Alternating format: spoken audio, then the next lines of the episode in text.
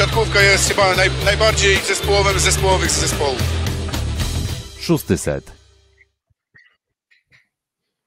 Słuchacie podcastu Szósty Set. Mamy 7 grudnia 2023 roku i w prezencie dla Was na Mikołajki mamy dzisiaj specjalnego gościa, e, prezesa Trefla Gdańsk, Dariusza Gadomskiego. Witamy bardzo serdecznie. Dobry wieczór. Wiedziałem, że będę prezentem, ale mi miło to słyszeć. Um, no właśnie tak troszeczkę przyprezesujemy, bo ja zawsze tak mam, że trochę dla wzmocnienia też powiedzmy dla emfazy pewnej um, statusu lubię czasem właśnie per prezes, e, prezes się zwrócić. Standardowo ze studia w Warszawie Piotr Złoch jest również ze mną, czy są również ze mną? Ze studia w Rzeszowie Filip Kurfanty, cześć.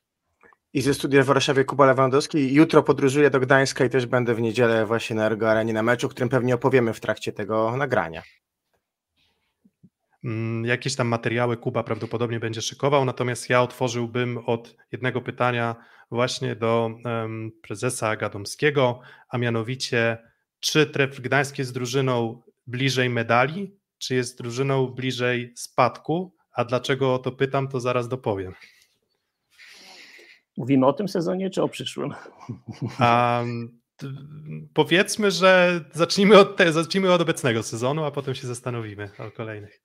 No, w tym sezonie myślę, że bliżej, bliżej, no o medalach gdzieś tam nie marzymy, ale faktycznie patrząc na grę drużyny i tak jak się chłopcy rozwijają, no to jesteśmy w tej części takiej bezpiecznej, co przyniesie przyszły sezon, zobaczymy. Myślę, że będzie duża, duża walka na rynku transferowym.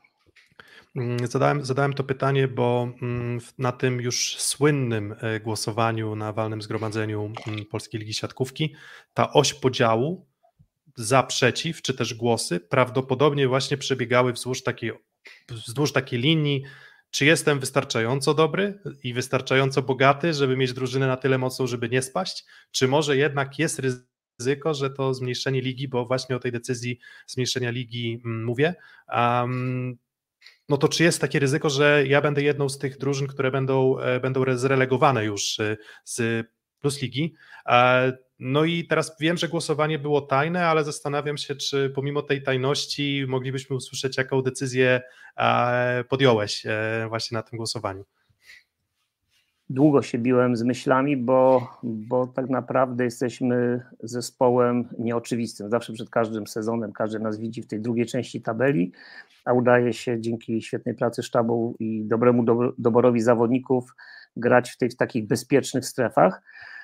Y, ale też słuchając, y, jak będzie wyglądał kalendarz, gdzieś też opinii zawodników, kibiców, bo ta liga pędzi jak szalona, głosowałem za 14-zespołową ligą i z tego, co tak się gdzieś orientuję, chyba mój głos trochę zaważył na tym, bo gdybym poszedł w drugą stronę, to nie ukrywając, byłaby dalej szesnastka. Mhm. Czyli to nie od was był ten głos, który się wstrzymał, to, czyli nie. de facto brak głosu. Nie, nie brak okay. głosu. Nie, nie, nie, powiem, nie, bo to tajne było, ale tutaj nie, nie wiem, który, który klub zagłosował, nie zabierając tak naprawdę żadnej ze stron. Ale jak pan... Mm, więc mów Kuba, jasne jak, jak powiedział pan prezes, że ten głos zawodników środowiska miał znaczenie trochę, tak? Bo gdzieś ta, mm, poza tym, że ta liga pędzi, wiadomo, że panowie jako prezesi mają do połączenia multum różnych wątków, tak? Czyli z jednej strony zawodników, kontraktorów, z drugiej strony kibiców, z trzeciej sponsorów, z czwartej tak naprawdę gdzieś na końcu pewnie jeszcze jakieś dobro swojego klubu, a na piątym miejscu dobro polskiej siatkówki i czy gdzieś te rozmowy, które się toczyły w ramach tej, tej decyzji, w dużej mierze zaczęły, zostały wywołane przez zawodników i przez ten pewien ich protest niejaki? Nie, myśmy tak naprawdę już wcześniej patrzyli na kalendarz. Przyszły sezon będzie fajny. Kiedyś liga ruszała w połowie września i to tak szło naturalnie sobie do połowy maja i tego miesiąca nam dzisiaj brakuje. W przyszłym sezonie zaczniemy prawdopodobnie w połowie września, skończymy w połowie maja ale kolejne trzy sezony wszystko się będzie zaczynało 15 października i kończyło 15 maja. Patrząc na rozgrywki Ligi Mistrzów, drużyny grające w pucharach, nie chcę skłamać, miałoby chyba cztery środy wolne, a w sezonie 27-28 przy 16 zespołowym nie mieliby ani jednej wolnej środy. Więc tak naprawdę to już było takie szaleństwo. Nie ukrywajmy też, że te mecze w tygodniu tak naprawdę gdzieś gonienie to też jakiś problem dla kibica. Tego, tego się robiło trochę za dużo. i za, mimo, że nie mamy może kadrowiczów, bo to oni najwięcej gdzieś powinni odpoczywać, ta, ci inni grają krótko, to, to trzeba było wziąć faktycznie dobro gdzieś polskiej, polskiej siatkówki, bo zajechać zawodników jest bardzo, bardzo, bardzo łatwo. Zawsze, ja też powtarzam, no, po to się kontraktuje czternastkę, żeby gdzieś tam ci rezerwowi też mogli grać. I takim dobrym przykładem gdzieś jest trener Mendes, który umiejętnie prowadzi tą drużynę i korzystał z bogactwa składu w zeszłym sezonie. Są drużyny, które się opierają mocno na tej jednej szóstej, potem gdzieś tego zdrowia zaczyna brakować. Ale dyskusje były burzliwe, bo to już trwało dłuższego czasu, gdzieś te rozmowy o zmniejszeniu ligi. No rozumiem też zdanie klubów, które. Ja też mogę być w tej samej sytuacji, chociaż dobrze kiedyś prezes Maciąg z Rzeszowa powiedział, że Resowia zajęła 13 miejsce, była bliska spadku mimo dużego budżetu. To jest tylko sport. Nigdy nie wiadomo, jak to się potoczy. Mm, dlatego właśnie nasuwa mi się pytanie, mm, jakie argumenty podnosili oponenci czy prezesi właśnie na tych obradach y, przeciwko zmniejszeniu? Czy to wszystko toczyło się wokół tematu mm, gdzieś tam, które się przejawiały w mediach, no bo my też oczywiście przygotowaliśmy się do takiej transmisji, czyli tematu zwolnień, e, redukcji budżetów, mniejszej liczby graczy, czy, czy to po prostu były argumenty w stylu, no jesteśmy zagrożeni spadkiem, więc nie chcemy i czy w ogóle była tam przestrzeń na to, żeby przekonywać ich do, mm, do tego, żeby chociaż zbliżyli się do, mm, do decyzji o 14 drużynach, czy niespecjalnie? Niespecjalnie też pamiętajmy, każdy się boi spadku i nikt nie wie, czy dalej będzie finansowany zespół w pierwszej lidze. Pierwsza liga nie jest tak atrakcyjnym produktem i nikt nie wie, czy nagle gmina dalej będzie chciała dać pieniądze, czy sponsor się nie wycofa. Y, prosty przykład Częstochowy, która spadła i tak naprawdę fajnie, że gdzieś na innym jakimś na klubie została dzisiaj reaktywowana i gra w plus lidze. Y, Bielsko się gdzieś grało, ale są kluby, które faktycznie mogłyby zniknąć z mapy. Też argumentem było, że powstawały fajne hale, jest kilka fajnych ośrodków z fajnymi obiektami i szkoda by było też ten potencjał zmarnować. Każdy patrzył gdzieś trochę pod siebie, każdy mówił, no ale to, jak to się mówi, no było głosowanie, trzeba pójść w tą stronę, którą wybrała większość. Hmm, a w takim razie po stronie największych plusów tej decyzji, że będzie 14 zespołów, to jest właśnie trochę poluzowanie kalendarza, czy jakie są jeszcze dodatkowe atuty, o których może nie tak często się publicznie mówiło, poza tym, że właśnie będzie ten odchudzony kalendarz? Na pewno y, zdrowie zawodników, bo tych kontuzji było bardzo dużo, teraz co się pojawiło. Y, na pewno też i dla kibica, bo jednak jak się czytało te wszystkie, tej siatkówki, no dzisiaj mamy początek grudnia i mamy 11 kolejkę w ten weekend. Zaczęliśmy tak późno, więc y, to trochę będzie jak szalone. Już niektórzy, nikt nie wie, kiedy, kiedy kto grał, żeby to trochę było takiej normalności, żeby to przeszło, ok, drużyny, które będą grały w pucharach, będą grały co środa, ale to się każdy zdecyduje i wie, z czym to się, z czym to się wiąże, ale te drużyny normalnie grające w lidze bez pucharów będą miały czas i na trening, i na dobre przygotowanie gdzieś, gdzieś do, do, do, do, do spotkań. Na, na, na ile y, sponsorzy naciskają, czy na ile liczba spotkań jest elementem istotnym z perspektywy pozyskania sponsora. Czy ten ekwiwalent związany z ilością spotkań, które są transmitowane i tym, ile razy sponsor jest w jakiś sposób wyświetlany, to jest element, który jest dla Was bardzo ważny jako prezesów pod kątem rozmów sponsorskich? Y, telewizja jest bardzo ważna. To od razu powiem, że te wszystkie, to, że mamy wszystkie mecze, to jest bardzo duży argument z każdym partnerem, którym się rozmawia czy drużyn będzie 16-14, to te cztery mecze mniej tak naprawdę nie będą gdzieś tam ważyły, ale cieszmy się, że mecze są wszystkie transmitowane. My też musimy patrzeć na to, że y, Polsat przejął coraz więcej innych y, y, gier zespołowych. Bardzo mocno dzisiaj koszykówka jest promowana. Gdzieś piłka ręczna wróciła do Polsatu i tak naprawdę ja czytam te opinie, że tam trzeba z Polsatem tak czy siak rozmawiać. Y, są chętni na nasze miejsce. Jak ktoś wejdzie, to nam potem może tego nigdy nie możemy odzyskać. No, w Kanal Plus była Liga Mistrzów, te oglądalności były dużo, dużo niższe niż jednak na Polsacie. Ręczna próbowała w TVP pokazywać swoje rozgrywki i też tam był jeden mecz chyba weekendowy, jakoś tak, nie było tego tak dużo. Jednak mimo wszystko te transmisje, że są wszystkie, to jest bardzo duży, duży, duży argument przy rozmowach z każdym partnerem. Mm, zastanawiam się też, e, bo mm, zadałem sobie trud też odrobinkę przeanalizowania na tyle, na ile miałem dostępne dane też tych meczów, które, e, które są dostępne w Polsacie Sport pod kątem mm, oglądalności. Czy, czy to nie jest zadam takie pytanie, czy to nie jest trochę niebezpieczny status quo, który, bo jednak nawet jak sobie pomyślimy o tym, kto ma dostęp do Polsatu, no to było, nie było, jest to jakaś tam powtarzalna grupa ludzi, ograniczona dekoderami. Do części po prostu nie dotrzesz, będąc, do części ludzi nie, nie dotrzesz, będąc sponsorem. Jest jakiś określony profil demograficzny, biznesowy, zarobkowy, właśnie tego typu ludzi. Więc czy pomimo tego wszystkiego, że Polsat oczywiście mm, jest y, po prostu kojarzony z siatkówką już praktycznie od zawsze, to czy nie ma tutaj ryzyka e, właśnie takiego bardzo mocnego związku mm, pomiędzy ligą a Polsatem?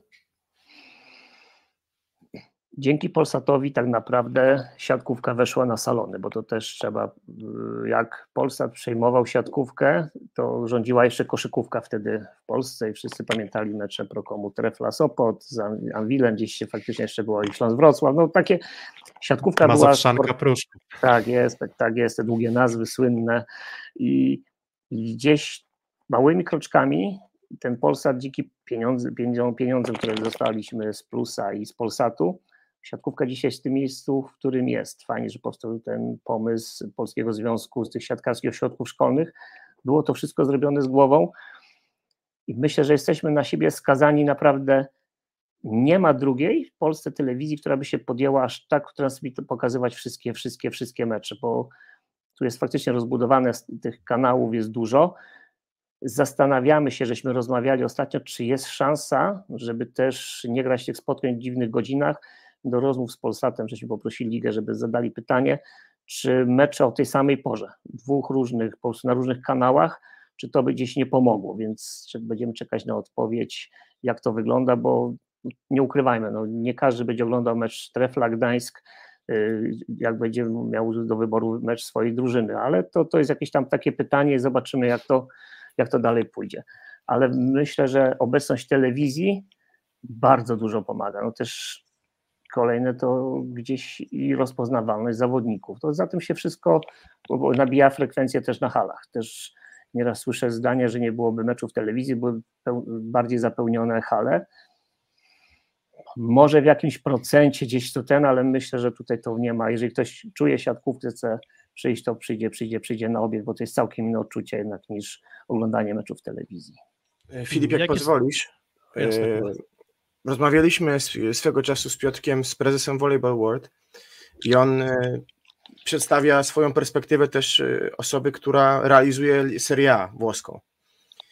W Polsce w tej chwili no, tej możliwości nie ma, bo jakby te, te prawa co do pokazywania ligi są w tej, a nie innej formie w Polsacie. Czy, czy liga lub panowie jako prezesi chcą naciskać na to, żeby też ta ekspozycja niekoniecznie, tak jak Piotrek powiedział, na posiadaczy dekoderów, ale też na tych, którzy mogą to oglądać na YouTubie albo w formie prepaidowej jest. I nie tylko mówię o Polakach, ale też o obcokrajowcach.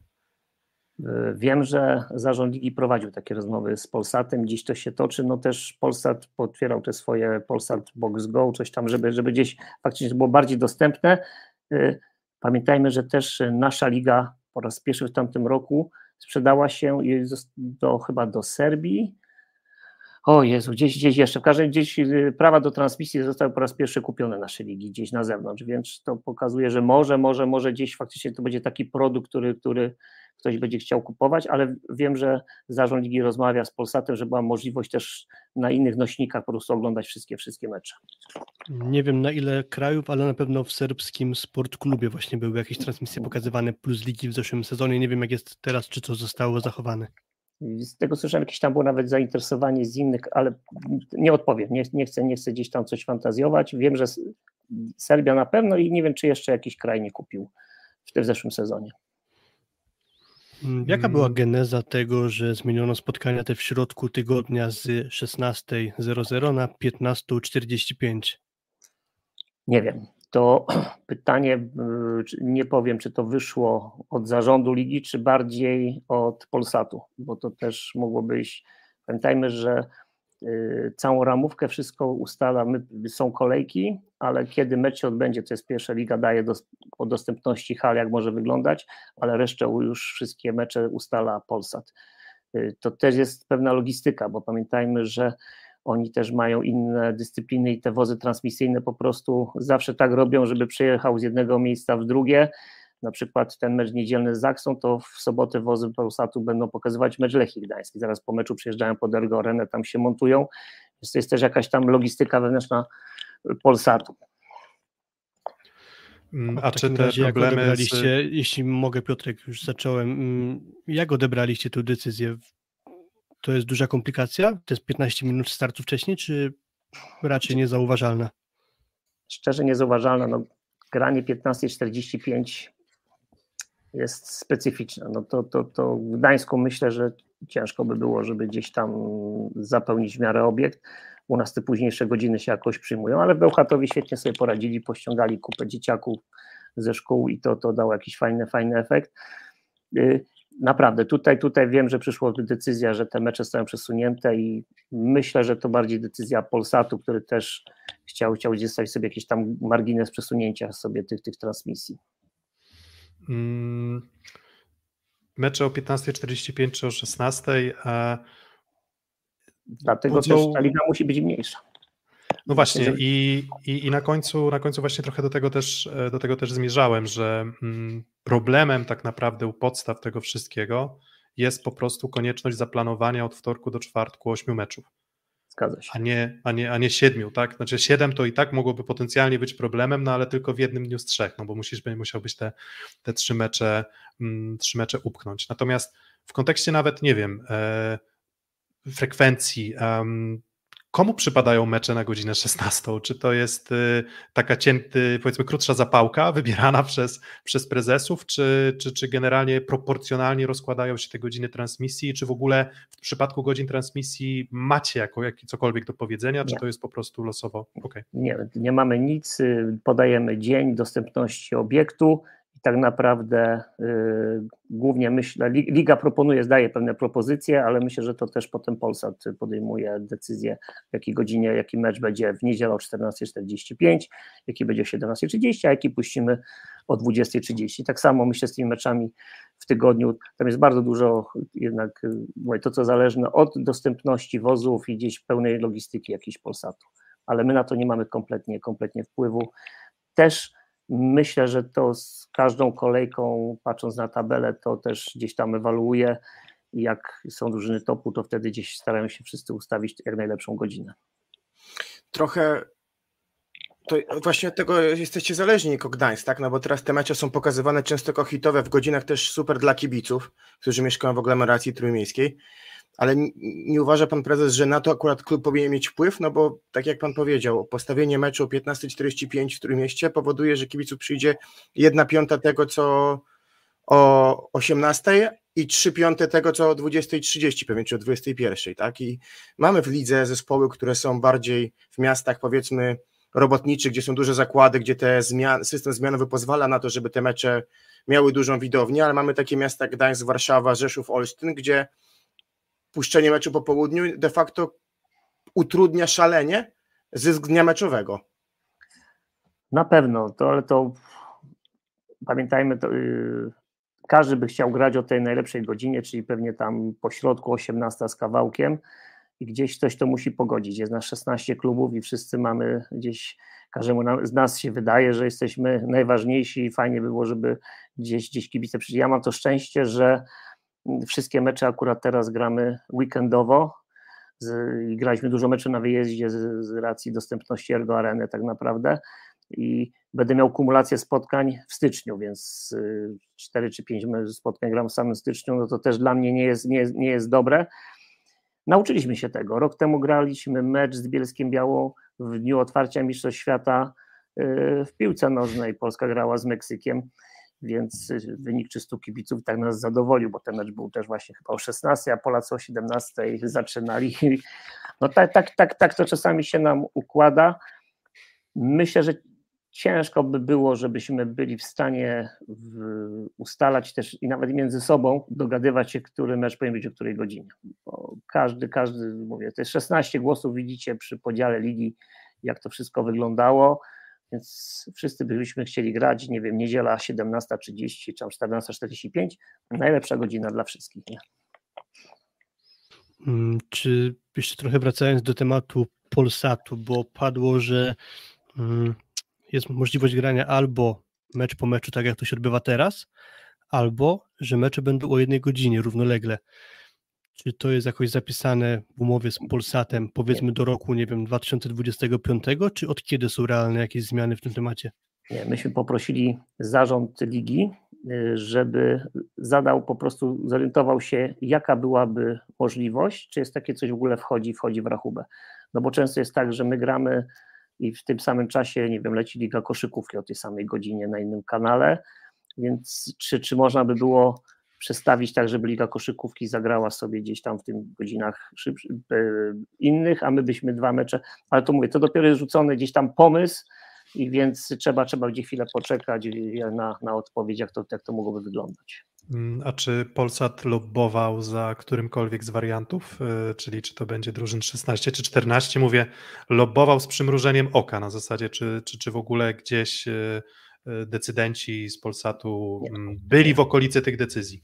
Nie, nie, nie. To było, to było tutaj, to była propozycja zarządu ligi, jak oni to widzą, patrząc na znajomość kalendarza na najbliższe lata.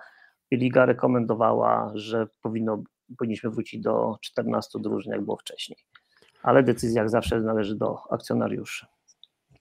Mm, jeżeli pozwolicie panowie, to bym przeszedł chwilę do Ergo Areny. To jest w ogóle taką ciekawostkę, zdradza dla mnie hala szczególna, bo ile rantek ja tam odbyłem w tej hali, zabierając dziewczyny, które poznawałem na mecze w 2014-2015 roku. Żona, żona chyba nie za granicą, ale też, też z nią niewiele razy byliśmy. Yy, na ile tak duża hala Oczywiście stanowi ogromny atut przy takich wydarzeniach, jakie mają miejsce w niedzielę, jak tym rekordzie ze Skrą, który miał miejsce chyba w 15 roku, 12 tysięcy kibiców. 10 tysięcy. 10, 11, 200 ma ergo pojemność, to było 10 tysięcy chyba z kawałkiem. To sama góra pierwszy, otwarta właśnie. Tak, tak, tak, tak. To był ten pierwszy sezon, yy, kiedy Andrea Anastazji wziął zespół, żeśmy grali w półfinale ze Skrą, to prawda. Dokładnie. I na ile ta hala pomaga, a na ile koszty jej wynajmu E, się jakby pomniejszają e, zysk dla, dla klubu z uwagi na te mecze, gdzie te, te obłożenie jest mniejsze. Hala jest piękna. To jest y, z siatkarzami, jak rozmawiam, to spodek, który ma, tam ma swoje, ale dla siatkówki idealna ze względu na bliskość boiska do trybun. Nie jest tania. Y, mamy tam gdzieś wynegocjowane trochę lepsze warunki niż zewnętrzne firmy, ale płacę i tak jako klub najwięcej z klubów plus ligowych za wynajem obiektu. Ten sezon jest y, wyjątkowy, bo na meczu otwarcia z Kuprum było nadspodziewanie dużo ludzi. Y, mecz z Warszawą nas też lekko szokował, a z Aksą przebijamy wszystko, no bo tak naprawdę w tej chwili mamy już ponad 7 tysięcy kibiców na tym meczu. Więc otworzyliśmy hmm. piątą kondygnację z jednej strony, bo już na dole i na trzeciej kondygnacji zostało chyba 50 miejsc, a tak to wszystko na piątce. Mm, średnia frekwencja w lidze spada od jakiegoś czasu i oczywiście też dużym problemem dla ligi, nie tylko, nie tylko oczywiście siatkarskiej, tutaj w zasadzie każdy sport ucierpiał z powodu COVID-u. Czy możemy teraz mówić o pewnym renesansie właśnie powrotu kibiców do, na, na trybuny? Mm, wizualnie, bo oczywiście to jest pytanie, na ile, na ile statystyki też to potwierdzają. W lidze mylące trochę może być czasem to, że mamy obecność Lwowa czy Katowic, które mają tę frekwencję bardzo niską i ją zaniżają, więc jeżeli przyjmiemy samą średnią, to, to siłą rzeczy samo to, że mamy po prostu kluby o pewnych ograniczeniach, tak to ujmijmy, jeżeli chodzi o frekwencję, powoduje średnią, ale czy, czy właśnie, czy to jest tylko kwestia wyniku, czy może po prostu ludzie powoli odgruzowują się właśnie z tego okresu covidowego, który jednak zasiał duży strach też przed pojawianiem się w ogóle w wydarzeniach na żywo? Na pewno, na pewno y, COVID trochę zatrzymał. Myślę, że za każdym razem dużym magnesem jest występ reprezentacji Polski w różnych imprezach międzynarodowych. To zawsze jest taki boom po sukcesie, że kibic, kibic idzie, idzie, idzie na halę. E, myśmy się, ja szczerze mówiąc, obawiałem się tego sezonu, bo dobrze wiemy, jaka sytuacja wyglądała w kraju, wy, wyższe ceny za prąd, wszystko gdzieś, gdzieś tego pieniądza mniej, a tu miłe, miłe zaskoczenie. Tak, ludzie zaczęli chodzić, chcą, chcą przychodzić na, na halę. Na ten moment wygląda to bardzo, bardzo dobrze. Mam nadzieję, że się utrzyma. Może też siatkówka faktycznie po tych sukcesach kadrowych pokazała, że to jest taka dzisiaj no, wiodąca dyscyplina w kraju, że się idzie, ogląda się, to jest też plus kadrowiczów na polskich parkietach, nie wyjeżdżają jak gwiazdy w innych dyscyplinach do innych krajów, bo tak naprawdę też większość kadry gra w Polsce, kupę obcokrajowców. To jest jakiś taki element przyciągający. Ten sezon na pewno jest bardzo dobry i to wiem, w innych halach jest podobnie. Też, też, też koledzy chwalą, że to, to jest dobry sezon na ten moment z kibicami.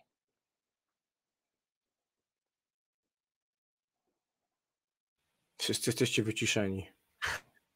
Przepraszam, wyciszony jestem, ale już naprawiam. Wszyscy jednocześnie. E, dobrze, skoro przyjąłem posiadanie mikrofonu, w takim razie poproszę swoje pytanie. Mm, Liga została, zostanie zmniejszona od sezonu 25-26 do 14 zespołów, czyli dla takiej drużyny jak Gdańsk i każdej innej będzie to znaczyło dwa spotkania w sezonie mniej w swojej hali. I można o tym pomyśleć w ten sposób, że to są dwa dni meczowe u siebie, straty potencjalnego zysku z biletów, generalnie nazywając to w skrócie z dnia meczowego. Ale z drugiej strony jest też sytuacja, że macie też do zorganizowania, przepraszam, dwa wyjazdy mniej. Jaka jest szansa, że uda się na tym finansowo nie stracić bez tych dwóch meczów u siebie?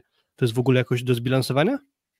Jest, bo jeżeli pamiętajmy, że kibic też wybiera. No, frekwencja na Zaksę nie jest, jest, jest duża, no bo to jest trzykrotny mistrz Europy i na pewno dużo łatwiej sprzedawać bilety na Zaksę niż nikomu nie ujmując, nie wiem, no powiedzmy sobie dzisiaj Częstochowa, która jest Beniaminkiem.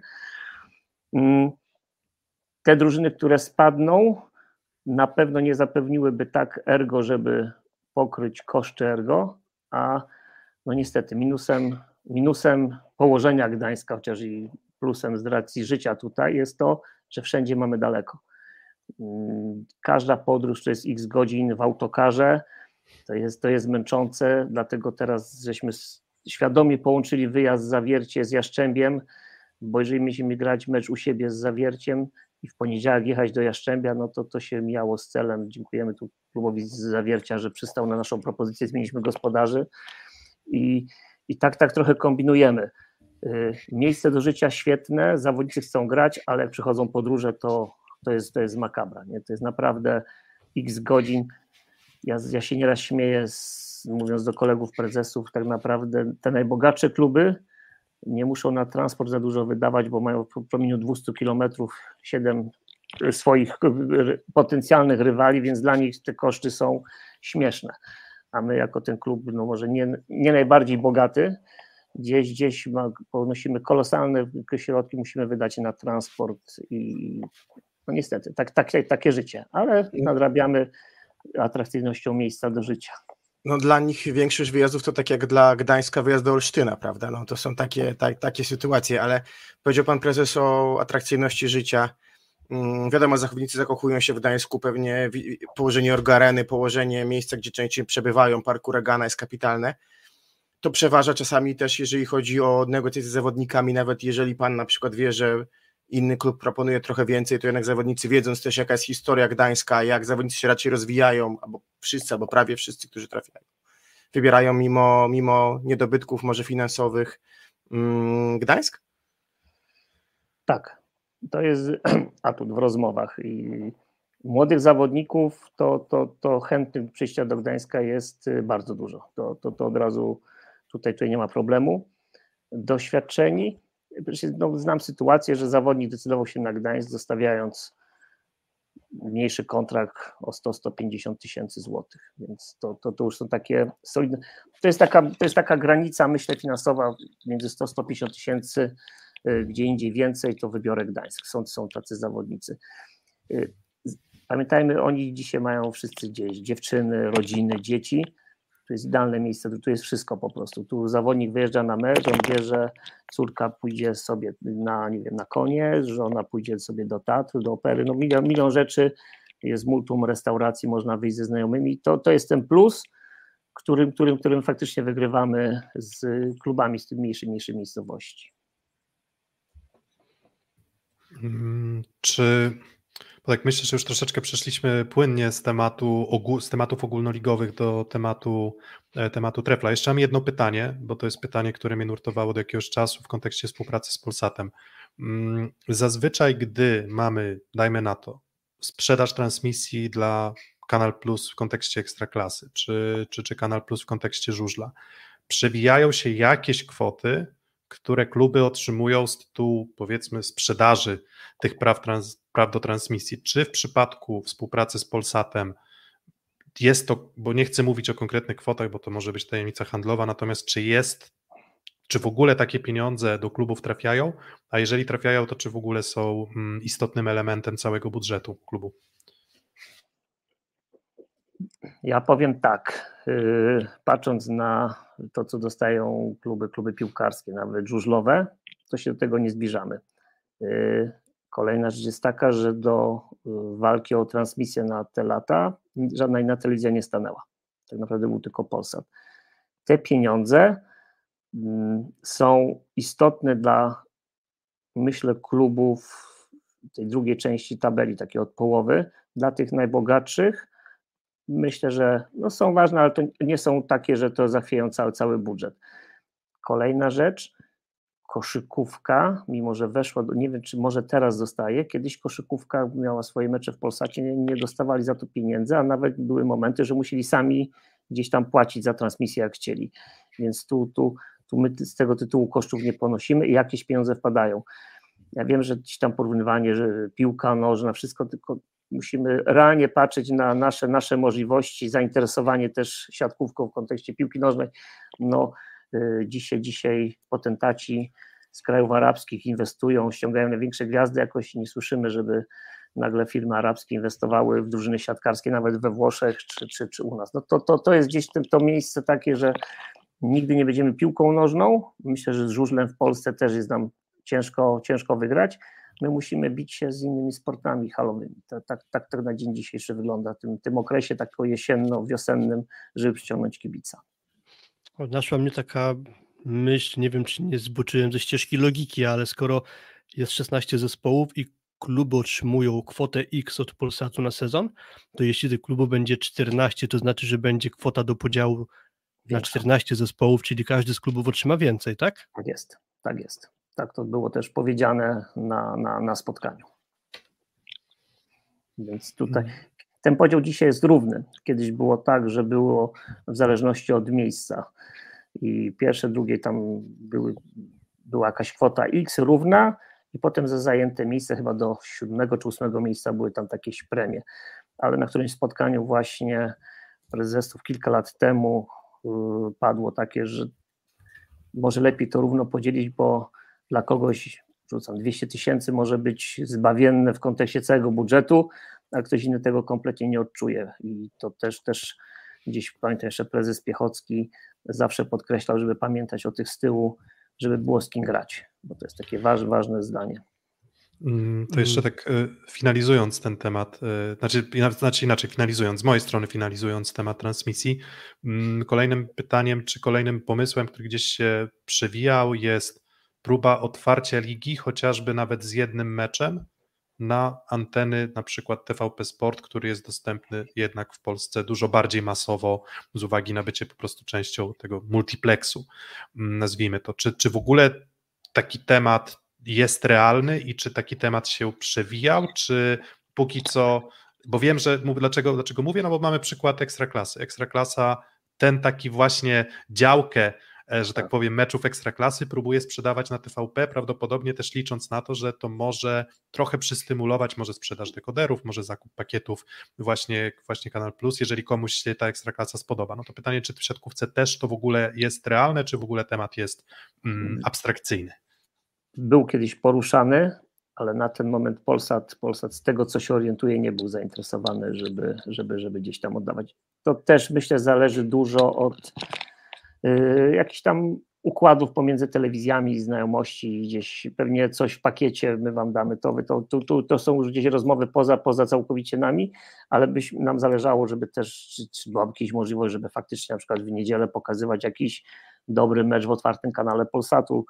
Gdzieś te rozmowy trwają, próbujemy z tym, gdzieś tam zarząd próbuje ligi z tym walczyć, co z tego wyjdzie, to, to, to, to zobaczymy, ale to, to są, od kilku lat się pewne rozmowy toczą, no nawet przecież jak były Mistrzostwa Świata, to też było tam, czy mecz finałowy będzie w otwartym Polsacie, też, też były takie zdania. No, pamiętajmy, to jest prywatna telewizja, ktoś wykłada swoje pieniądze, pieniądze, telewizja publiczna jest dotowana, wiemy w jaki sposób do tej pory była, zobaczymy jak będzie dalej i, i tam jednak no, ktoś siedzi z kalkulatorem i, i bardzo dokładnie wszystko liczy.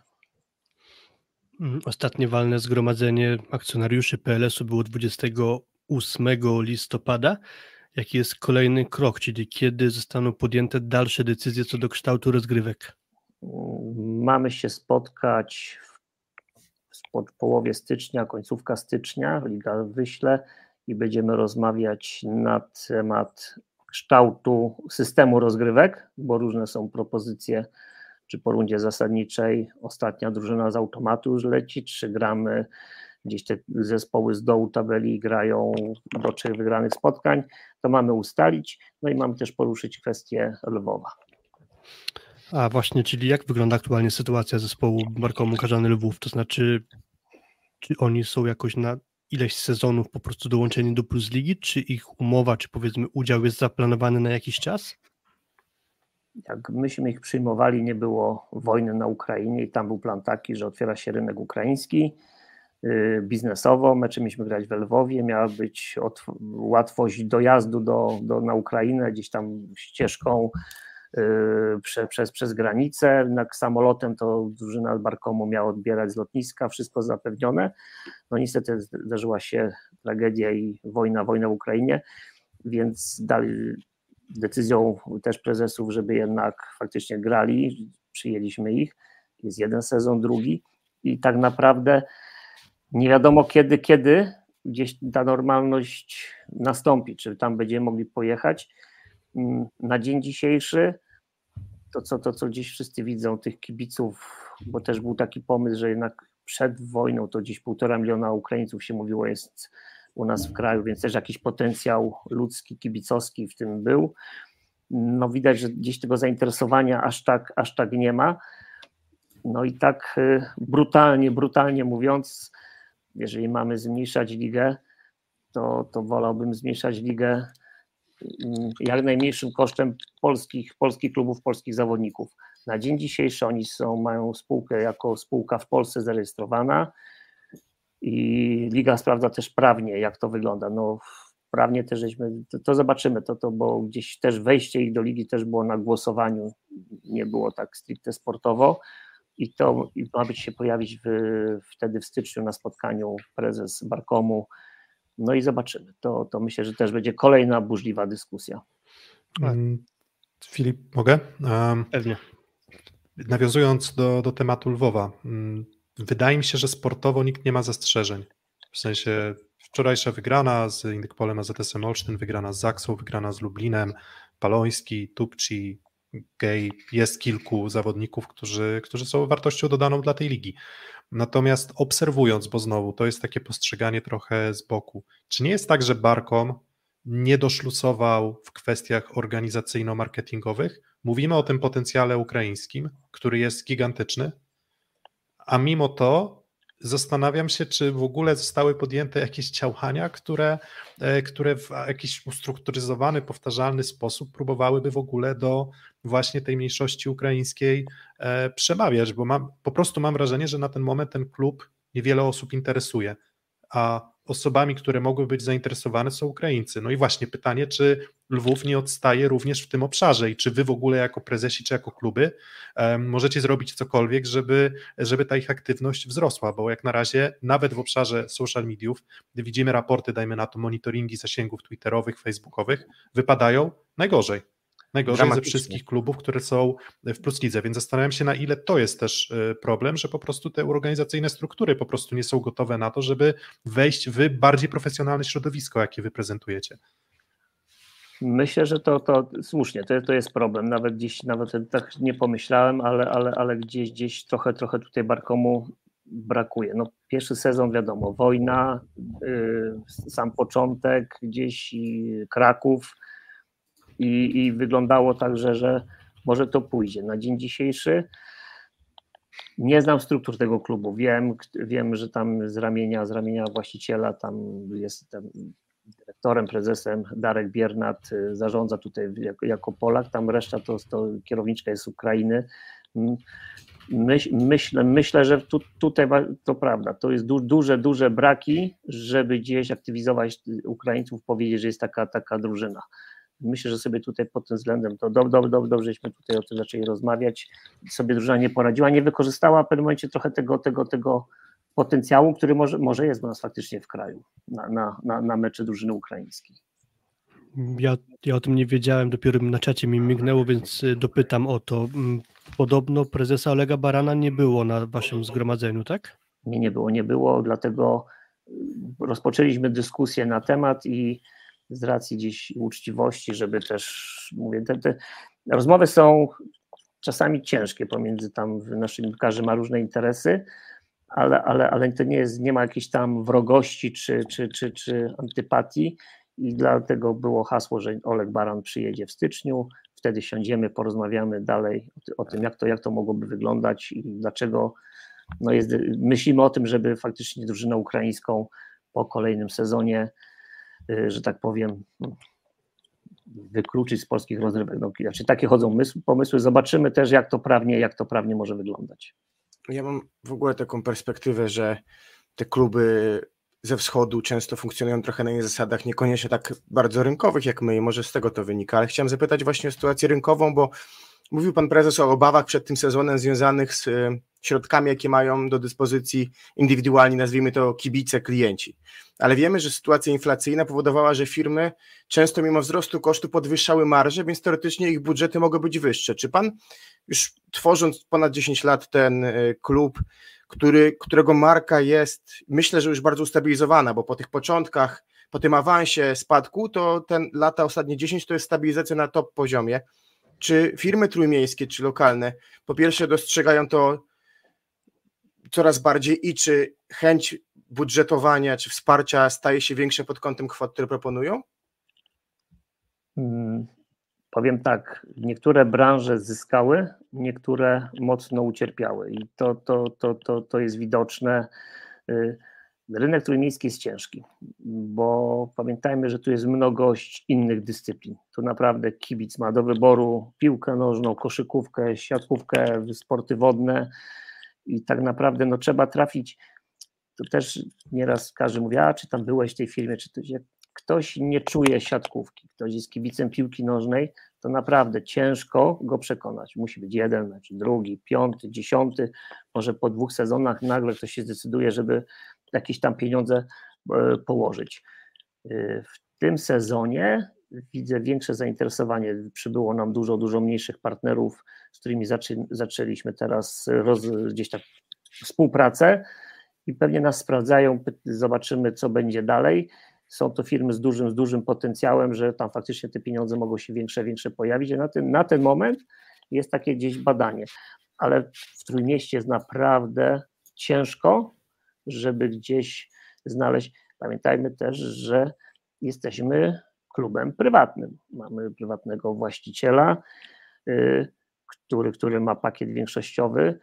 Też nie zawsze, nie zawsze ktoś może chcieć wejść do takiego klubu, wiedząc, że, że tutaj ktoś coś inny rządzi, więc jest milion, milion składowych. Ja się cieszę, cieszę z tego, co mamy, że ten ciężki czas, bo nie ukrywam tego i będę, będę to powtarzał przez 8 lat byliśmy izolowani od wszystkich zewnętrznych pieniędzy jako, jako, jako trójmiasto. To, to, to, to, to, to, co żeśmy na początku rozmawiali, inwestycje, czy i byliśmy traktowani trochę jak dżuma, miasto Gdańsk, nazwa pani prezydent Dulkiewicz, prezydent Karnowski Sopotu, to powodowało. Adamowicz. Tak jest, że nikt, nikt nie chciał może nawet rozmowy były fajne, gdzieś się przechodziło kolejne etapy, nikt nie podjął się tego, żeby podpisać jakąkolwiek umowę ze strachu, jak, jak to będzie odebrane. Na górze gdzieś, czy, czy ktoś nie straci roboty, że ktoś się po prostu podpisał pod Gdańskiem. Tak wyglądały te lata i tak naprawdę dzięki kibicom, bo to jest, to, to jest nasz gigantyczny atut, bo każda ta złotówka, która jest na tej hali daje możliwości, yy, bardzo wspomaga budżet. Dwa, miasto Gdańsk, które cały czas nas wspiera, jest trefl i ileś tych dziesiąt fajnych, małych firm, różnych partnerów, którzy są z nami na dobre, złe czasy i, i tak naprawdę ja się cieszę z, każ z każdego pieniądza, bo wiem, że ktoś dzisiaj daje 5, jak będzie mógł dać 10, to da 10, bo, bo czuję się po prostu dobrze, dobrze, dobrze przy naszym klubie. Mm, to ja mam takie przewrotne pytanie w związku ze zmieniającymi się e, wiatrami politycznymi. Mm, wspominamy tutaj o klubie prywatnym, jakim jest TREF, wspominamy o klubach e, no, przyklejonych. myślę, że to nie jest jakieś nadużycie powiedzieć, że spółki Skarbu Państwa to jest absolutnie zdecydowana, zdecydowana część budżetu właśnie tych klubów. To czy z punktu widzenia prezesa Trefla Gdańsk, sytuacja, w której spółki Skarbu Państwa zmniejszają finansowanie tych klubów i Tref siłą rzeczy z budżetem na, na porównywalnym poziomie zbliża się do czołówki, ale kosztem na przykład utrzymania kadrowiczów w tych najlepszych klubach, to co wolałby prezes Trepla Gdańsk? Czy z punktu widzenia, czy to jest trochę takie samolubne podejście, czy może jednak gdzieś tam się przewija, że brak tych gwiazd mógłby też negatywnie wpłynąć na, na sam biznes y, w Gdańsku? Znaczy, powiem tak, y, cieszę się, że są te spółki Skarbu Państwa i łożą niemałe pieniądze na czołowe kluby w Polsce, bo dzięki tym pieniądzom Zaksa wygrała trzy razy Ligę Mistrzów, najlepsi kadrowicze grają w Polsce i nigdy, nigdy mówiąc o tym, że gdzieś byłem izolowany, nie myślałem o tym, żeby komuś zabierać. Ja bym chciał, żeby może doszus, doszusować trochę do tych, do tych pieniędzy, ale nie kosztem gdzieś, gdzieś moich, moich kolegów, bo to mnie spotkało, że z, polityka zadecydowała, że nie będziemy sponsorować Gdańska. Nie chciałbym, żeby polityka się mieszała do sportu. Sport jest fajnym miejscem do wypromowania, ale patrzmy na to szerzej, to jest y, różni kibice przychodzą na halę, jedni mogą kochać tą partię, drudzy tamtą i trochę, trochę wyłączmy ten sport, ja tutaj może to tak gdzieś człowiek żyje w jakiejś tam abstrakcji, ale tak by było najlepiej. Więc chciałbym, żeby faktycznie cieszę się, że Skrabeł Chatów istnieje dalej, bo to jest y, klub, który tak naprawdę pchnął siatkówkę polską mocno w Europie, mimo wcześniejszych gdzieś tam Mostostalu i ten, to tak to Skra była tym takim pierwszym marketingowym topem, który, który pokazał kierunki. Ale, ale, ale, czy się uda zatrzymać tych zawodników najlepszych? Nawet ten? Nie wiem. Ja wiem, że y, pieniądze, które się pojawiają gdzieś w Dalekim Wschodzie, są na tyle, tyle atrakcyjne, że może, może być ciężko. Pytanie też, czy czasami nie zrobi się przestrzeń dla innych zawodników w tych klubach, bo to też yy, brak, kiedyś kadry nie wyobrażaliśmy sobie bez Michała Kubiaka, przez Fabiana Dżyzgi, dzisiaj nie wyobrażamy sobie z Marcina Janusza, przez Olka, bez Olka Śliwki. No takie jest życie, ktoś przychodzi, ktoś odchodzi i, i trzeba po prostu yy, dalej, dalej wyszukiwać talentów, i ich szkolić, żeby, żeby nasza kadra dalej była tak wysoko. Tak, tak, tak to widzę. Mm, I pytanie od Bartka właśnie na czacie, już przechodząc do, do samego, myślę, trefla Gdańsk, czyli też obecnego sezonu. E, Bartek Piruk, potrzebujemy większego budżetu. Jakie są perspektywy na większy budżet w przyszłym sezonie? Oczywiście, tak jak mówię, punkt odniesienia to zawsze jest rywalizacja i kluby w lidze.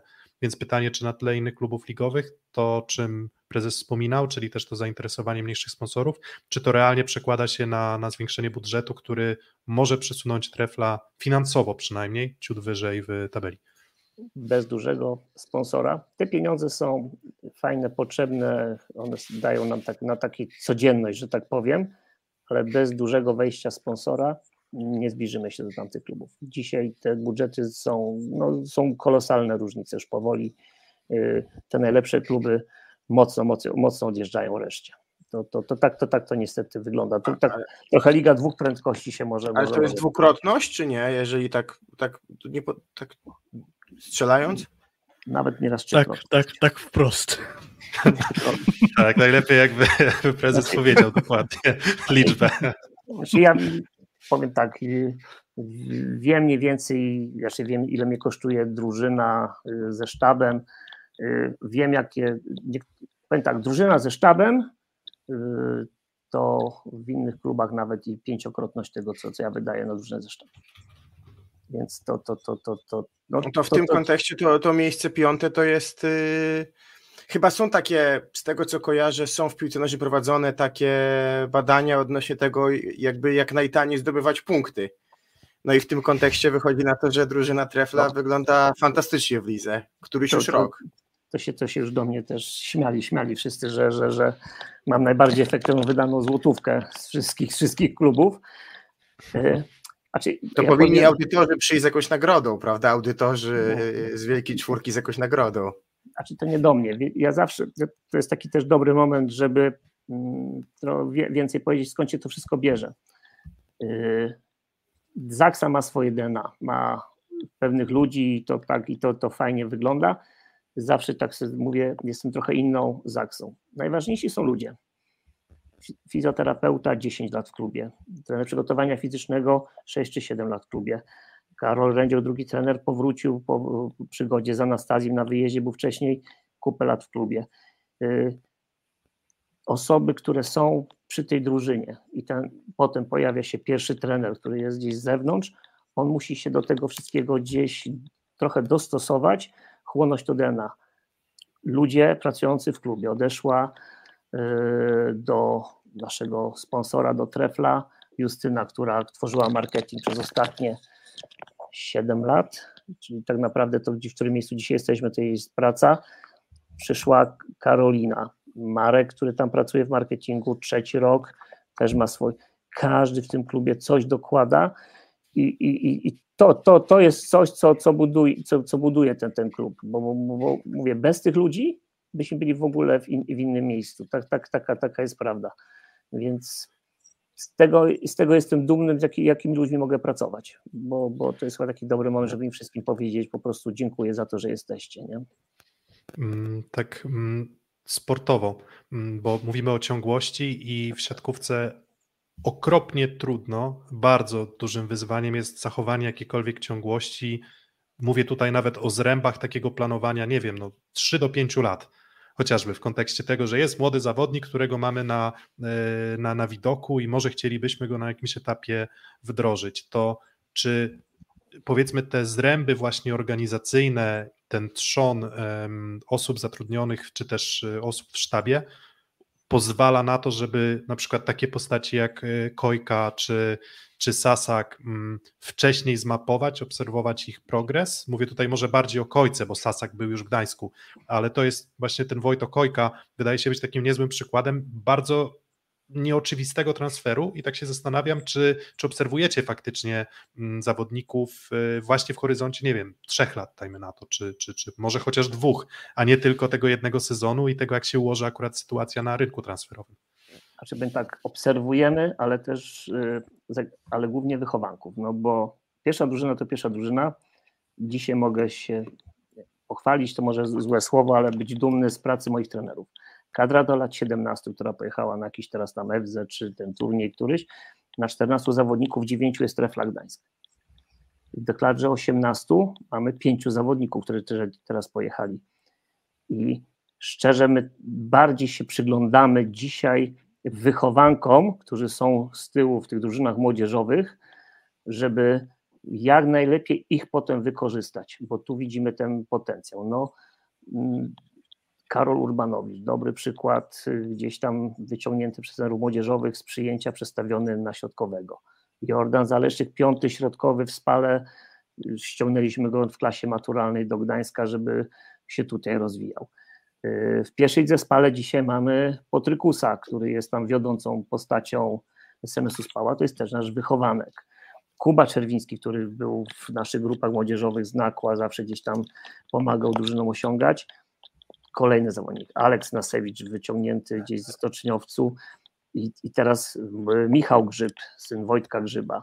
Y, Mamy, mamy jednego przyjmującego w drugiej lidze, którego żeśmy też obserwujemy, naszego zawodnika z dużym potencjałem. My bardziej patrzymy tu w kontekście naszych wychowanków, gdzieś z osób, które się szkolą na klubie, żeby ich potem wykorzystać. I rynek oczywiście zagraniczny też, ale, ale pierwsze miejsce to jest dla wychowanków. Znaczy ja też może z racji bliskiej odległości od podpromia mam przykład Asekorysowy, która swego czasu też mocno stawiała na rozwój młodych graczy, ale dzisiaj tak naprawdę z tego nic nie czerpie. I bywały sytuacje, że jakiś zawodnik x lat był pod kontraktem Asekorysowi, po czym swoje najlepsze lata już y, ma w innych klubach. Przykład chociażby Aleksander Śliwka. Jak sprawić, albo jaki macie pomysł na to, żeby ci gracze faktycznie później oddali Tryflowi to, czym zostali obdarowani? To znaczy właśnie jak sprawić, żeby na przykład Karol Urbanowicz najlepsze lata spędził w Gdańsku. To jest w ogóle możliwe, czy jest po prostu na zasadzie jego dobrej jest, woli? Nie, no jest możliwe, tylko też zawsze też y, patrzę na to, y, kariera sportowca nie jest długa. Przychodzi też taki moment, że mm, może lepiej dla zawodnika, żeby trochę zmienił środowisko, poszedł, pograł gdzie indziej, zawsze może, może do, nas, do nas wrócić, bo nie jest, nie jest yy, tak łatwo sobie zaplanować, dobra, będę trzymał, mamy kupę pieniędzy, Karol idzie coraz lepiej, będziemy mu płacić yy, rynkowo to, co mógłby dostać indziej, nas na to nie stać, a jeżeli dostaje tak gdzieś tam, czy inny dostanie jakąś taką propozycję, to też to rozumiem, że przed moment, żeby trochę spróbował w innym klubie. Zawsze może, może do nas wrócić. Więc ja gdzieś tam mam w głowie układankę, gdyby człowiek miał więcej pieniędzy, to by gdzieś te, te trochę tę całą taką piramidę mógł, mógł, mógł ułożyć. Pewien pomysł mi chodzi po głowie, nie chcę go tutaj zdradzać. Mam nawet w potencjale pewną osobę, która by pomogła wykorzystać potencjał lub poprowadzić naszych młodych zawodników przyszłości. Jest, mam, chodzi mi to po głowie, ale mówię, na razie nie chcę zdradzać, bo to jeszcze trochę daleka droga, ale, ale jest, jest, jest, jest, jest, jest, jest ktoś, kto, kto mógłby to idealnie robić. Yy, prezes mówi o wychowankach, ale też czasami spoiwem i ważnym elementem są obcokrajowcy i nie sposób spojrzeć na, na, na Jana Martineza. Wiem, że mówiło się o tym, że e, chciał go w Resowi trener Mendes, jeżeli by w Resowi miał zostać, a mimo tego trafił do Gdańska. Czy może pan prezes trochę przybliżyć to, jak się udało właśnie taką postać do naszej ligi nieoczywistą sprowadzić, która no, do, do tego systemu, czy z Lukiem, czy teraz z Wojko Kojką, pasuje chyba idealnie.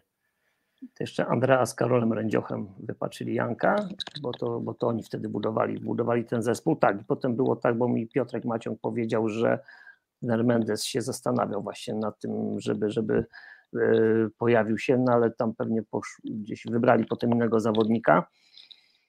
Fajny charakter, fajny zawodnik, tam ciutkę centymetrów tylko brakuje, bo tak to jest po prostu kompletny i też wszystkich zawodników, jak dobieramy, jednak patrzymy na charaktery. Gdzieś robimy taki wywiad środowiskowy, czy jak to się zachowuje w szatni, żeby to potem trybiło, że oni tak naprawdę lubią z sobą przebywać, że w tej szatni oni by tam siedzieli nawet dwie godziny po treningu, bo to często, często sobie tam siedzą, dyskutują albo razem idą coś zjeść, więc to jest dla mnie bardzo ważny, ważny aspekt, żeby to nie było tak na zasadzie, ktoś przychodzi, kartę do pracy, zrobiłem swoje, wychodzę i żyję swoim życiem, tylko żeby to się toczyło koło siebie, ale nie cały czas tylko przy siatkówce, bo to jest też dobre, żeby było też oderwanie. No, nie mówię, że mają imprezować non stop, ale wiem, że gdzieś wyjść razem sobie na kolację, spotkać się z dziewczynami swoimi w jakimś tam towarzystwie i to, to, to jest trochę takie oderwanie od tej, tej takiej tylko pracy na hali. Ja myślę, że to też brakuje tego tym klubom, które grają w pucharach dzisiaj, tak jak mamy yy, Zaksę, ty, ty, ty, wszystkich, ci gracze są cały czas w takim jednym rytmie, brakuje tego takiego prywatnego oderwania się od tego, nie? To, to, to też zmniejszenie ligi spowoduje, że oni też będą mogli trochę odpocząć głową od, od, od samego tylko grania w siatkówkę. Właśnie chciałem też o to zapytać, jaka jest różnica w graniu w Treflu Gdańsk, a jaka w Zachsie, to znaczy Zachsa gra tych spotkań mnóstwo, czyli ma jeszcze puchary, ale to nie jest tak, że ci, co nie grają w pucharach, grają dużo mniej, bo też macie cały czas te, niemal cały czas te kolejki w środku tygodnia od początku sezonu. Czy odczuwacie jakoś po zawodnikach, po sztabach, że jest to uciążliwe po prostu? Że trzeba grać tyle, co chwilę gdzieś jeździć? I są takie głosy znużenia, że niech się to w końcu skończy? Czy na Może. razie jeszcze jest Mhm. bez takich jasnych sygnałów? Nie, to przynajmniej, u mnie, u mnie, u mnie czegoś takiego nie ma. Nie ma, y, żeby ktoś, no, traktują, ale fakt faktem, że ta intensywność spotkań powoduje, że widać zmęczenie. To też, pamiętajmy, jeden mecz się kończy, zawodnicy gdzieś tam, nie wiem, zasypiają w autokarze, ale statystyk cały czas już kolejny przygotowuje game plan z trenerem na kolejny. To jest też sztab, ma cały czas non-stop coś do robienia. Fizjoterapeuta i zmieniają mu się tylko kolejne osoby na łóżku do wymasowania. Więc trochę, trochę, trochę oddechu każdy, każdy, każdy potrzebuje, potrzebuje w życiu i, i ta liga pędzi jak szalona. No to, to będąc na meczu w Zawieciu, oni skończyli mecz, wiem, że już od razu siedli do game time'u na Jaszczębie, żeby gdzieś tu już przygotować i żeby wszystko było, było gotowe. Mm, Wychowywanie sobie graczy, tak trochę skaczemy po tematach, natomiast jeszcze chciałem tego nawiązać, bo nie było mi to dane. Mm, To jest pytanie, które gdzieś już też zadawaliśmy po drodze, też w kontekście, wydaje mi się, innych rozmów, na przykład z innymi prezesami mm, czy postaciami w siatkówce. Czy idea transferów za gotówkę, nie mówię tutaj o końcu kontraktu, jak to wygląda zazwyczaj w siatkówce, y, czy to jest y, mrzonka, bo myślę sobie o inwestycji, którą klub musi ponieść w to, żeby wyszkolić zawodnika. Mm, To jest kwestia i trenerów, i hali, i czasem zakwaterowania, tak naprawdę wielu rzeczy. Mm, Więc zastanawiam się, czy w ogóle w siatkówce możemy widzieć kiedykolwiek perspektywę na to, że taki strzelam Aleksiej Nasewicz, zbudowany w Gdańsku przez 3-4 lata pobytu, tak naprawdę stworzony produkt, czy on może trafić kiedykolwiek za pieniądze, czy, czy to jest tylko i wyłącznie kwestia tego, czy wy się zabezpieczycie trochę dłuższym kontraktem i wtedy może dojdzie do jakiegoś wykupienia tego kontraktu i, i tyle. Zastanawiam się, czy to może stać się standardem. w siatkówce, mimo że te budżety są, nie są najmniejsze praktycznie w tych czołowych klubach, ale nie ma tego zwyczaju gdzieś tam płacenia za zawodników. I to, co to, to jest najlepiej, długoletni kontrakt, kwota jakiegoś wykupu i wtedy, wtedy jakoś te pieniądze może, może, może się zwrócą. Akurat w przypadku Aleksa tak, tak mamy, ten kontrakt jest czteroletni, jest kwota wykupu, ale dopiero, dopiero po drugim czy trzecim roku grania Aleksa u nas, więc, więc troszeczkę żeśmy się zabezpieczyli ale też nie jest łatwo, bo podpisując kontrakty nie zawsze się udaje, żeby wpisać jakąś kwotę. Dużo też, pamiętajmy, dużo też zależy od rozmów z menadżerami zawodników, no bo zawodników z menedż... dzisiaj menedżerów już mają chłopcy w spale, to yy, dobre życie, znaczy to jest tak, menedżerowie yy, muszą być. Yy, ja myślę, że nie udałoby się, bo jak przychodzi ciężki moment, u zawodnika jest krótko, on chce dzisiaj, ja to przeżyłem w Gdańsku, kończymy, Lotos się wycofał, trzeba wypłacić ileś pieniędzy i gdyby nie menedżerowie, którzy wytłumaczyli zawodnikom, jak to będzie wyglądało i oni się zgodzili na dłuższy okres spłaty, bo niektórzy by chcieli od razu swoje pieniądze, jak nie, to idziemy do sądu i klubu by nie było. I dob, dobrze, dobre życie z menedżerami powoduje, że można mądrze poprowadzić drogę wielu zawodników i wpisując też w to zysk dla klubu, który ich wychował. To myślę, że to, to jest możliwe. Z racji odległości, jakie, jakie musi klub pokonywać, czy były pomysły tego, żeby zmodyfikować na przykład trochę autokar, aby odpowiadał bardziej tak jak, nie wiem, autokary norweskich biegaczy, gdzie byłyby normalnie miejsca sypialniane, czy to jest kwestia niemożliwa z uwagi na prawo drogowe lub też kwestie budżetowe? Korzystamy z przewoźnika, który, którego autokar jeździ też normalnie y, po sezonie. Nie jesteśmy Vive Kielce, które mają taki faktycznie, oni zrobili taki autokar, tylko że tam budżet jest na poziomie 30 milionów złotych. Kiedyś y, chyba, chyba, chyba Drutek z Bytowia chyba kupili sam taki autokar z Barcelony, więc to też taka była sensacja. Y, Nie ma. Znaczy, tak- przepraszam, FC Barcelony czy z Barcelony w sensie z miasta? FC, z FC Barcelony, z FC Barcelony. Rozumiem, dziękuję. Tak, bo, tak i, to była taka ma, mała sensacja. Myślę, że jest patrząc na możliwość, to jest autokar, który był tylko przypisany drużynie, czyli tak naprawdę by jeździł z nimi, bo po sezonie to było tak ciężko by było, żeby on na siebie zarabiał. Sezon trwa, dobrze, no z, z okresem przygotowawczym rzucam od połowy września, byłby wykorzystywany do połowy maja maksymalnie, nie? i potem kilka miesięcy stał, a to są gigantyczne koszty, autokar musi, musi jeździć. No, może kiedyś będziemy tak bogaci, jeśli taki autokar sprawimy, ale, ale, ale kiedyś myślałem, zobaczyłem ten sam autokar Vive Kielce, to, to, to powiem szczerze, pozazdrościłem, nie? Mm, ostatnie dwa mecze e, bardziej weryfikacja oczekiwań i potencjału zespołu, czy może jednak dobre a może nawet bardzo dobre momenty, które sugerują, że ta drużyna jeszcze cały czas ma w sobie potencjał. Jak widzisz to, panie prezesie, te, właśnie te, te, te no, 1 do 6 w tym takim dwudniowym dwumeczu? Mm, ta drużyna ma cały czas potencjał. My, yy, mecz w Zawierciu, yy, najlepszy mecz Luka Perego w tym sezonie w Zawierciu taka jest prawda. Znał 12 zawodników po drugiej stronie. E, widać było, że, że podszedł do tego meczu i bardzo, bardzo, bardzo fajnie. Specyfika hali w zawierciu to też jest tak, że tam się ciężko gra. My jesteśmy drużyną, która dużo gdzieś broni i tam sufit nie, nie pomaga. Jakby się trenował w takim obiekcie, to na pewno gdzieś można się przyzwyczaić. W Jaszczębiu to jest też jak mecz, y, bo pierwszy takim meczem był taki mecz z Warszawą. W dwóch setach żeśmy mieli piłki na skończenie w dwóch pierwszych setów, mogliśmy prowadzić z Warszawą 2-0. Tu w trzecim secie żeśmy mieli też piłkę setową w górze i można było pobić. To jest też kiedyś mi ktoś powiedział. Y, pewni zawodnicy zarabiają dużo większe pieniądze, bo przy danym momencie kończą takie piłki. Ja wierzę, ja wierzę, że my za 2-3 miesiące zaczniemy kończyć takie piłki, bo w tych chłopakach jest naprawdę duży potencjał. Oni są świadomi swoich braków, sztab też widzi, co trzeba poprawiać i wszystko, wszystko w sporcie jest, jest możliwe. Ja też się cieszę, że tak naprawdę y, będziemy mm, za chwilę mieć całą czternastkę zawodników do dyspozycji, bo Kuba Czerwiński już prawie wraca do pełnej dyspozycji z możliwością atakowania.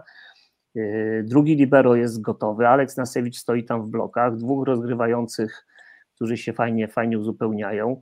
Piotrek Orczyk, który miał fajne wejście z Warszawą, więc przy jakimś tam słabszym momencie jest w stanie zmienić Mikołaja Sawickiego.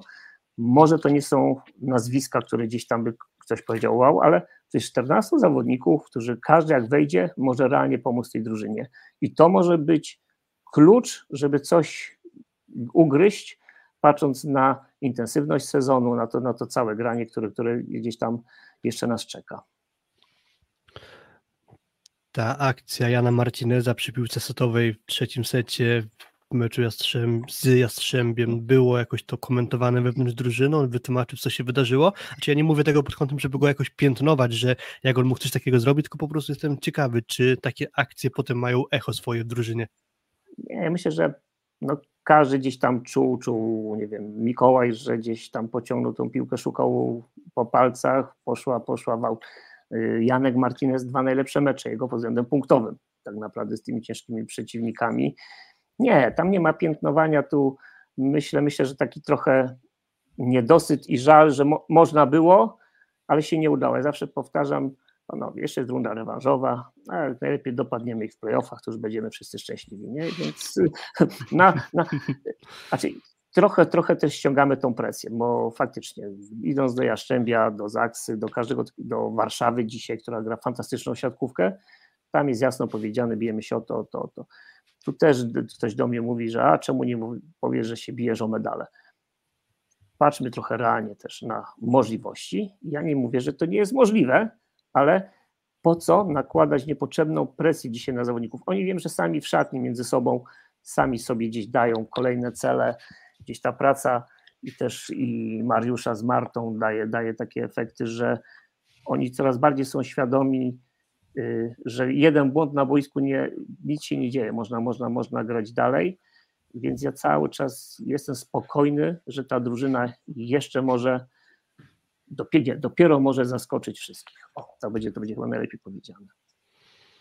Na Ja czacie rozumiem. pojawiło... A, Kuba. Nie chciałem Wrócę popytać, że rozumiem, pytania. że w tej komunikacji pana prezesa wspiera bardzo Mariusz Wlazy, bo to jest też taka jego rola, tak, żeby troszeczkę ze swojej perspektywy, doświadczeń ogromnych siatkarskich i obecnej jego profesji, gdzieś się w to pole psychologii sportu od strony zawodniczej wpasować? Mariusz, odkąd przyszedł do Gdańska, y, ja zawsze, powiem tak, ja nie grałem nigdy w siatkówkę, y, ja zawsze lubię słuchać y, pewnych sugestii, rad i Mariusz często, jeszcze Michał Winiarski wcześniej, teraz Igor Juricz przychodzą czasami i mówią, jak uważają, co by dobrze wpłynęło, żeby drużynie powiedzieć, albo czego nie powiedzieć, jak na pewne sytuacje zareagować. W zeszłym sezonie, jak dołączył do nas Zank, no to był nagle szok, ktoś będzie musiał siedzieć za bandami. Więc Mariusz przyszedł wtedy jako kapitan, mówi, prezesie, dobrze było, że prezes tak przyszedł, wytłumaczył skąd, jak, dlaczego to się tak wzięło. I to są takie fajne, fajne, fajne momenty, których on, on nawet mnie kieruje z racji tego, że tyle lat grał i wie, co, by, co dobrze jest odbierane w szatni, to ja z tego korzystam. Myślę, że ten, pod, bo Mariusz jeszcze sam nie może być psychologiem tutaj, doktor Marta Witkowska y, jest tam jego wsparciem i tak naprawdę to ona prowadzi te spotkania indywidualne z zawodnikami, które nie są obowiązkowe. To też od razu mówię, kto chce, korzysta indywidualnie. Po raz pierwszy przed sezonem, myślę, że to jest też nowość, były zajęcia grupowe z psychologami. To też jakieś tam różne formy y, gier, integracji, no to, to już tam pytanie więcej Mariusz pewnie powiedział z Martą, ale to też jest taka przestrzeń, którą chyba żeśmy jako pierwsi w Polsce tak mocno otworzyli. To nie jest, nie jest tak oczywiste, a według mnie za chwilę większość klubów i tak będzie musiała z tego korzystać, bo to, co się dzieje na zewnątrz, hejt w internecie, radzenie sobie ze stresem, to od każdego dzisiaj się wymaga, że dlaczego nie skończyłeś tej piłki. Oni mają o tym nie myśleć. No jedna akcja nieskończona nie zabija komuś świata i to, to, to tutaj mówię, pod tym względem Mariusz jest nieoceniony, pod względem y, doradzania czasami, jak, co przekazać zawodnikom, jak przekazać, to ja z tego bardzo chętnie, chętnie korzystam. Myślę, że to tym bardziej istotne wobec tego, co padło na temat szkolenia młodzieży w Treplu Gdańsk, bo myślę, że te młode osoby zwłaszcza mogą zyskać na tym, że mają możliwość współpracy z Mariuszem Blazłym. Prawdopodobnie ostatnie moje pytanie. Ruchów transferowych do Trepla Gdańsk było niedużo, ale chyba jeszcze ani raz w naszej transmisji nie padło nazwisko Kevina Sasaka. Pojawiło się pytanie na czacie od Arweny, czy łatwo było go przekonać do powrotu. A ja to pytanie pozwolę sobie rozszerzyć, czy w momencie, gdy on odchodził do Czech, mieliście już w głowie, że Kevin za sezon do nas wracasz i tutaj jest miejsce dla ciebie? Kevin jak odchodził, yy, miał ważny kontrakt jeszcze, ale po rozmowach jeszcze wtedy z Andreą, który, który budował, po rozmowach z Michałem, który był, obaj uważali, że Kevin powinien opuścić Gdańsk, gdzieś pójść, poczuć taki obowiązek bycia pierwszym, był w takiej strefie komfortu. Gram, nie gram, wejdę, pomogę drużynie że i, i tutaj, tutaj pomógł, pomógł, pomógł Kuba Michalak, który faktycznie znalazł tą drużynę w Czechach.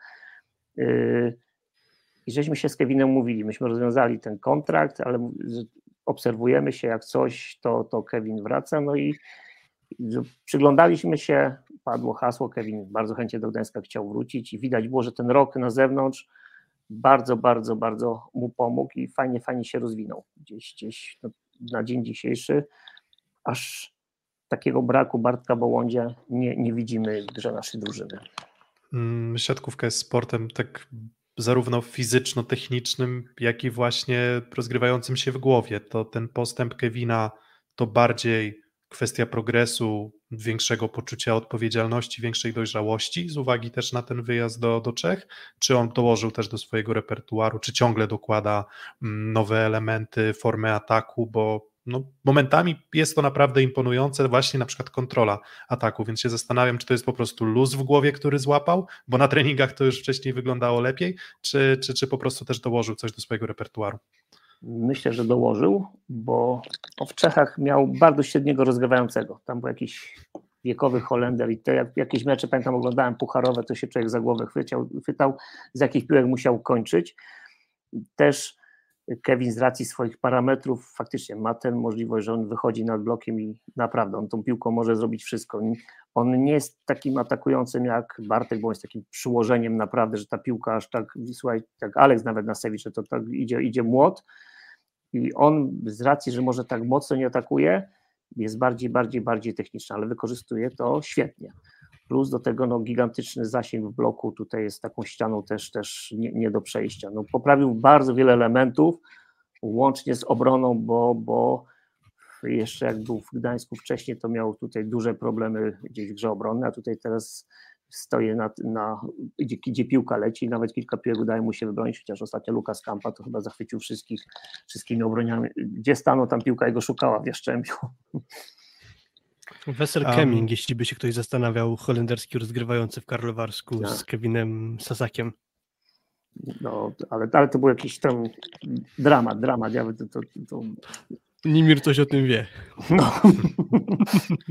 No i Nimir, Nimir sobie radzi, to i Kevin Sasak sobie, sobie musiał jakoś, e, jakoś poradzić. E, Wojciech Strzeżyński, bardzo aktywny na naszym czacie jeszcze nie padło pytanie chyba żadne, które on zadawał, ale to, to ostatnie, które zadał myślę, że też e, ciekawe i myślę, że to już będzie to ostatnie, ostatnie.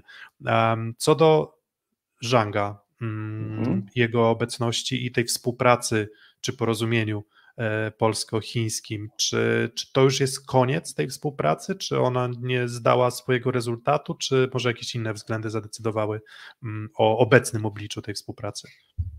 To było tak naprawdę trochę poza nami, bo temat Zanga pojawił się z początkiem stycznia i po rozmowach ze sztabem, z Mariuszem zburzyłoby to całą gdzieś tam układankę, bo nagle 15 zawodnik, więc odrzuciliśmy to, mówimy dobrze. Ale ci Chińczycy, gdzieś tam ten projekt tak był rozwinięty, że trzy dni przed zamknięciem okienka transferowego zadzwonił do mnie prezes Przedpełski i Chińczycy powiedzieli, że albo Gdańsk, albo nigdzie, nie? Bo gdzieś tam wiem, że padły pytania o Bełchatów, chyba o Olsztyn, ale tylko Gdańsk, więc było hasło, że no jak tego nie weźmiemy, to wszystko padnie. Y, Zank nie kosztował nas żadnych pieniędzy. To jest tutaj wszystko, nie wiem jaki miał kontrakt, ile mu Chińczycy płacili, znaleźliśmy mieszkanie, przyjechał z tymi dwoma trenerami i, i to się miało dalej rozwijać, miał wrócić, gdzieś tam był plan, żeby kolejnych zawodników. Zrobiło się cicho, on poszedł do Białgorodu, nie wiem, nie wiem czy to dalej się będzie rozwijało, czy nie. E, nie chciał wyjeżdżać z Gdańska, taka jest prawda, już na koniec tutaj to, to, to tak czuł się dobrze. Sam stwierdził, że tam się inaczej trenuje. Tu, tu niektóre systemy pierwszy raz poznawał, gdzieś się rozwijał. Tam po prostu rano trzy razy dziennie trening, idą tłuką i, i, i, gdzieś tego nie, nie, odrobili tej lekcji, którą odrobili Japończycy, którzy faktycznie postawili na trenera Blena i gdzieś to rozwinęli. Tam jest jednak partyjne patrzenie wprost przed siebie i, gigantyczny potencjał jako finansowy, myślę, ale, ale, ale patrząc, patrząc sportowo, ciężko, żebyśmy nagle, kiedy liga skończy chińska, dobierali sobie stamtąd zawodników, nie wiem, środkowego, rozgrywającego tym bardziej, bo to przecież musi się wpasować. No Zhang tam się wybijał na tle tej reszty, więc ja bym poszedł bardziej, że jeżeli chcą Chińczycy się uczyć, to stworzyć program, niech przyjedzie młodzież chińska, dziś ich ten, tu, tutaj niech korzystają z naszych zasobów, im za to płacą, a tu to seniorska, no to, to, to ra, ra, raczej wątpię, żeby to, to gdzieś wypaliło. Mm, no i myślę, że tutaj e, stawiamy kropeczkę. Naszym dzisiejszym gościem był prezes Strefla Gdańsk e, Dariusz Gadomski. Bardzo dziękujemy za zdradzenie części kulis e, ostatniego walnego zgromadzenia, no i oczywiście kulis też samego Trefla Gdańsk. Powodzenia dalej w Dziękuję. sezonie. Mm, aspiracje na pewno i apetyty urosły, ale teraz jeszcze pytanie, żeby się nie przejeść. Um, Chodzimy i... twardo po ziemi. Ja się cieszę, że Kuba będzie na meczu poczuję atmosferę ligowego meczu może z 8 tysięcy kibiców, bo to mówię, 7 już przekroczyliśmy, a to jeszcze trochę czasu zostało, więc to będzie takie, takie co, coś innego niż... niż ja, ja niż... byłem, panie prezesie, jak był bity rekord wtedy ze Skrom, to byłem. Wydawało mi się, że było 12 tysięcy, faktycznie było 10, ale byłem, byłem i było chyba moich 10 znajomych, teraz też wielu moich przyjaciół będzie na meczu, namówiłem ich, także... Tylko także... wtedy były takie czasy, że kibice krzyczeli, krzyczeli z Bełchatów. To prawda, a teraz będzie inaczej. A teraz wszyscy. I to jest, i to jest, to, jest to, co się udało. Miara progresu. z- Że kibic przychodzi na kibicować Treflowi Gdańsk, mimo że drużyna przeciwna przyjeżdżają gwiazdy, to hala będzie za nami, a nie za Zaksą Kędzierzyn, więc z tego, z tego się cieszę. Mm, Więc jeszcze na koniec, oczywiście łapka w górę i subskrypcję. Poprosimy, jeżeli jeszcze tego nie zrobiliście. Patronite.pl, kośnik 600, taki banerek się przywija już na dole, więc możecie też wesprzeć nas finansowo, jeżeli oczywiście uważacie, że nasza praca na to zasługuje. E, Dziękujemy jeszcze raz za dzisiaj, e, za uwagę ze studia w Warszawie. Piotr Słoch. E, Ze studia w Rzeszowie Filip Korfanty, dziękuję bardzo. I mobilny Kuba Lewandowski. Dzięki ja za dziękuję dzisiaj. bardzo za zaproszenie. Dziękujemy bardzo, jak zwykle e, była to przyjemność. Dzięki i jesteśmy w kontakcie i słyszymy się już niebawem. Dzięki. Dziękuję, do zobaczenia.